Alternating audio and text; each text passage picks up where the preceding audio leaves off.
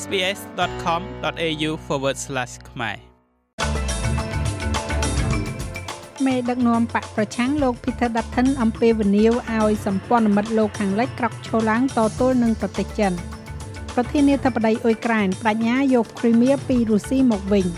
ស្ថានីយ៍រថភ្លើង Flinders Street បានបំភ្លឺភ្លើងពណ៌ផ្កាឈូកដើម្បីរំលឹកការចងចាំដល់តារាសម្ដែងលោកស្រី Olivia Newton-John មេដឹកនាំបកប្រឆាំងរដ្ឋាភិបាលសហព័ន្ធអូស្ត្រាលីលោក Peter Dutton បារម្ភថាកោះតៃវ៉ាន់អាចប្រឈមមុខទៅនឹងស្ថានភាពស្រដៀងគ្នាទៅនឹងប្រទេសអ៊ុយក្រែនប្រសិនបើសម្ព័ន្ធមិត្តលោកខាងលិចមិនក្រោកឈរឡើងប្រឆាំងទៅនឹងការឈ្លានពានយោធារបស់ប្រទេសចិននៅក្នុងតំបន់នេះទេ ភាពតានតឹងនៅតែមានកម្រិតខ្ពស់រវាងអូស្ត្រាលីនិងចិនបន្ទាប់ពីរដ្ឋាភិបាលក្រុងប៉េកាំងបានចុះហត្ថលេខាលើកិច្ចព្រមព្រៀងសន្តិសុខជាមួយនឹងប្រជុំកោះសូឡូមុនកាលពីដើមឆ្នាំ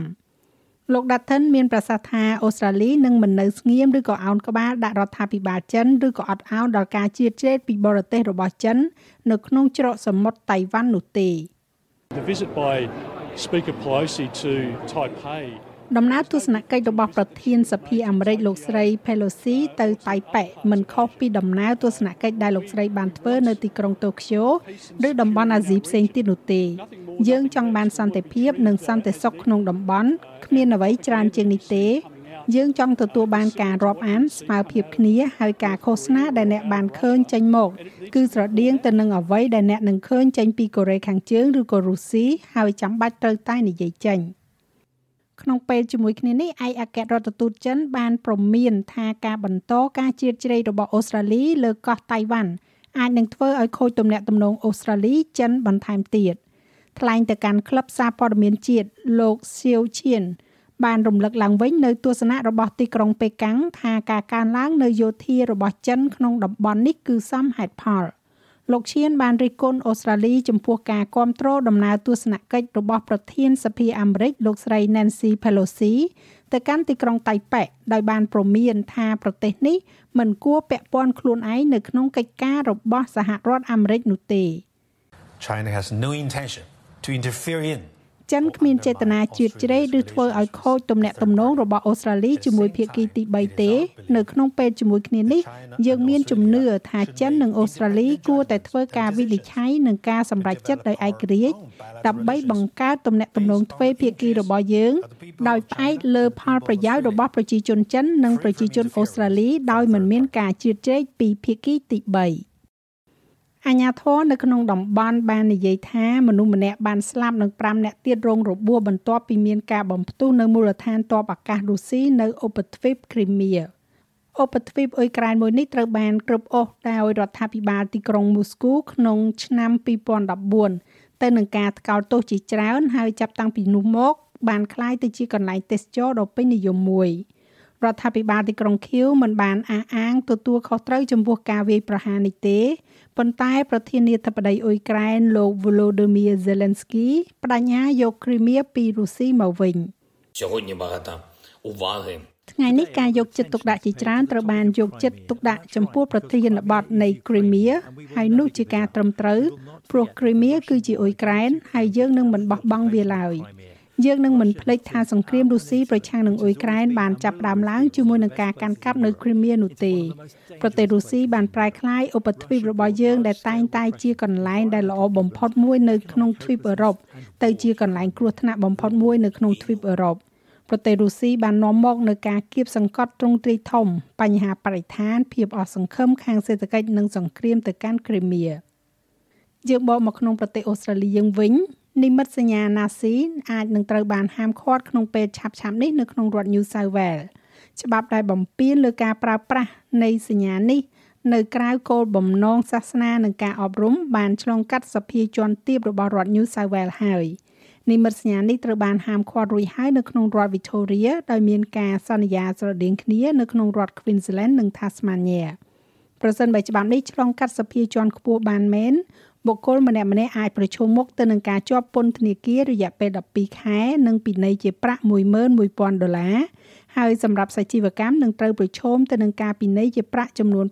55000ដុល្លារអ្នកធ្វើដំណើរតាមរថភ្លើងនៅរដ្ឋ New South Wales កំពុងប្រឈមមុខទៅនឹងការរំខានបន្ថែមទៀតនៅថ្ងៃនេះជាមួយនឹងសេវាកម្មមួយចំនួនត្រូវបានលុបចោលដោយសារតែការធ្វើកោតកម្មរបស់ឧស្សាហកម្មនេះសេវាកម្មមិនដំណើរការនៅលើខ្សែរថភ្លើងភាគខាងកើត ពី Illawarra និង South Coast Line ដែលជាធម្មតាមានមនុស្សប្រមាណជា70000នាក់ធ្វើដំណើរនៅថ្ងៃពុធសហជីពផ្លូវដែក tram និងរថយន្តក្រុងនិយាយថាសកម្មភាពនេះគឺមានបំណងបង្កការឈឺក្បាលសម្រាប់អ្នកគ្រប់គ្រងនិងរដ្ឋាភិបាលមិនមែនអ្នកដំណើរនោះទេសហជីពកំពុងស្វែងរកការធានានៅការផ្លាស់ប្តូរក្រុមថ្មីនៃរថភ្លើងក្នុងក្រុង និងឈានដល់កិច្ចព្រមព្រៀងចរចាសហគ្រាសថ្មី នាយកប្រតិបត្តិ Sydney Trans លោក Matt Longland បានប្រាប់វិទ្យុ 2GB ថានឹងមានការប៉ះពាល់ដល់ការធ្វើដំណើរនៅពេលព្រឹកនិងពេលល្ងាចដែលរវល់ខ្លាំង។ The timetable will operate តារាងពេលវេលានឹងដំណើរការរហូតដល់ម៉ោង9ព្រឹកយើងនឹងត្រូវដករថភ្លើងចេញពីសេវាកម្មហើយក៏នឹងដាក់ឲ្យដំណើរការឡើងវិញវានឹងចេញរថម្ដងទៀតនៅម៉ោង4រសៀលយើងនឹងរត់ទៅតាមគម្រោងពេលវេលាពេញលេញនៅលើ T4 វិញ រហូតដល់ម៉ោងប្រហែលជា5ឬក៏5កន្លះនៅពេលល្ងាច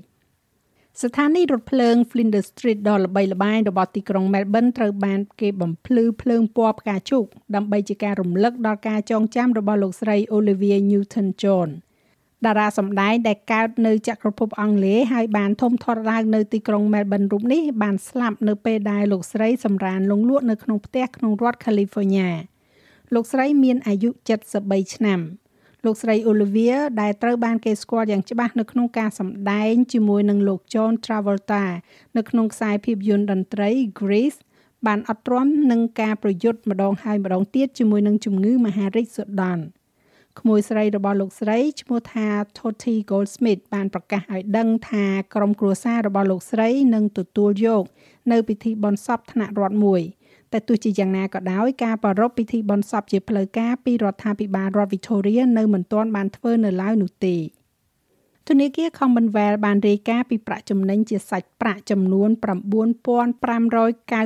លានដុល្លារដែលកើនឡើង11%កាលពីឆ្នាំមុនការផ្ដល់ប្រាក់កម្ចីទិញផ្ទះនិងប្រាក់កម្ចីអាជីវកម្មដ៏រឹងមាំនិងការកាត់បន្ថយវិធានការនានាទាក់ទងទៅនឹងโรគរាតត្បាត គឺជាហេតុផលនៅពីក្រោយលទ្ធផលនៃប្រាក់ចំណេញនេះ។ នៅក្នុងប្រទេសកម្ពុជាវិញក្រសួងធនធានរ៉ែនិងធម្មពលបានបញ្ជាក់ថាកម្ពុជាទទួលបាននៅប្រាក់ចំណូលជាង5លានដុល្លារក្នុងមួយឆ្នាំពីរ៉ែមាសអ្នកនាំពាក្យរបស់ក្រសួងបានបញ្ជាក់ថាមកទល់នឹងពេលនេះក្រុមហ៊ុនអូស្ត្រាលី Renaissance ផលិតមាសបានចំនួន232ដុំគិតជាគីឡូក្រាម គឺបាន3500គីឡូក្រាមត្រឹមដើមខែសីហានេះ ហើយក្រុមហ៊ុននេះក៏បានបង់សួយសារជូនរដ្ឋចំនួន5លាន1សែនដុល្លារអាមេរិកផងដែរចាស់ឲ្យលោកមេងផល្លានឹងជួនសេចក្តីរាយការណ៍លម្អិតនៅវគ្គក្រោយបន្ថែមទៀតឬលោកអ្នកអាចចូលស្ដាប់របាយការណ៍ពេញលើគេហទំព័រ sps.com.au/ ខ្មែរ រឿងរ៉ាវវិលត្រឡប់មកវិញដល់គួរឲ្យកត់សម្គាល់មួយរបស់ម្ចាស់ជើងឯកបាល់បោះអូស្ត្រាលី Lauren Jackson ធ្វើឲ្យកីឡាករនីរូបនេះទទួលបាននៅរង្វាន់ចុងក្រោយកីឡាករនីវ័យ41ឆ្នាំនៃ Hall of Famer រូបនេះត្រូវបានបញ្ចូលក្នុងក្រុម Opal របស់ប្រទេសអូស្ត្រាលីសម្រាប់ការប្រកួត FIBA Women Basketball World Cup ឆ្នាំនេះក្នុងខែកញ្ញានៅទីក្រុង Sydney 9ឆ្នាំបន្ទាប់ពីអ្នកនាងបានចូលនិវត្តន៍ក្នុងឆ្នាំ2016ហើយថ្មីថ្មីនេះបានត្រឡប់មកកាន់កីឡាវិញនេះគឺជាពេលវេលាដ៏រំជួលចិត្តដែលអ្នកនាងត្រូវបានជូនដំណឹងដោយគ្រូបង្វឹក Sandy Brunello Congratulations uh, Lauren Jackson សូមអបអរសាទរ Lauren Jackson អ្នកនឹងទៅចូលរួមនៅក្នុងការប្រកួតពិភពលោក World Cup ម្ដងទៀត។ ចាស់ចំណែកឯអត្រាប្តូរប្រាក់វិញ1ដុល្លារអូស្ត្រាលីមានតម្លៃប្រមាណជា69សេនកន្លះដុល្លារអាមេរិកត្រូវនឹង2840រៀលប្រាក់រៀលខ្មែរ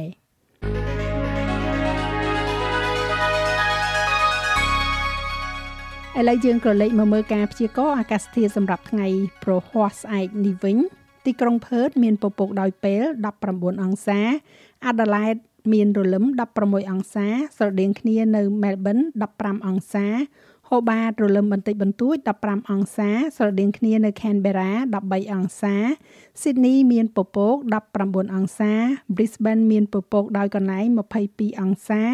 ទីក្រុងខានអាចនឹងមានរលឹម27អង្សាដាវិនមានពពកដោយកន្លែង32អង្សាទីក្រុងភ្នំពេញមានផ្គររន្ទះរាយប៉ាយ31អង្សា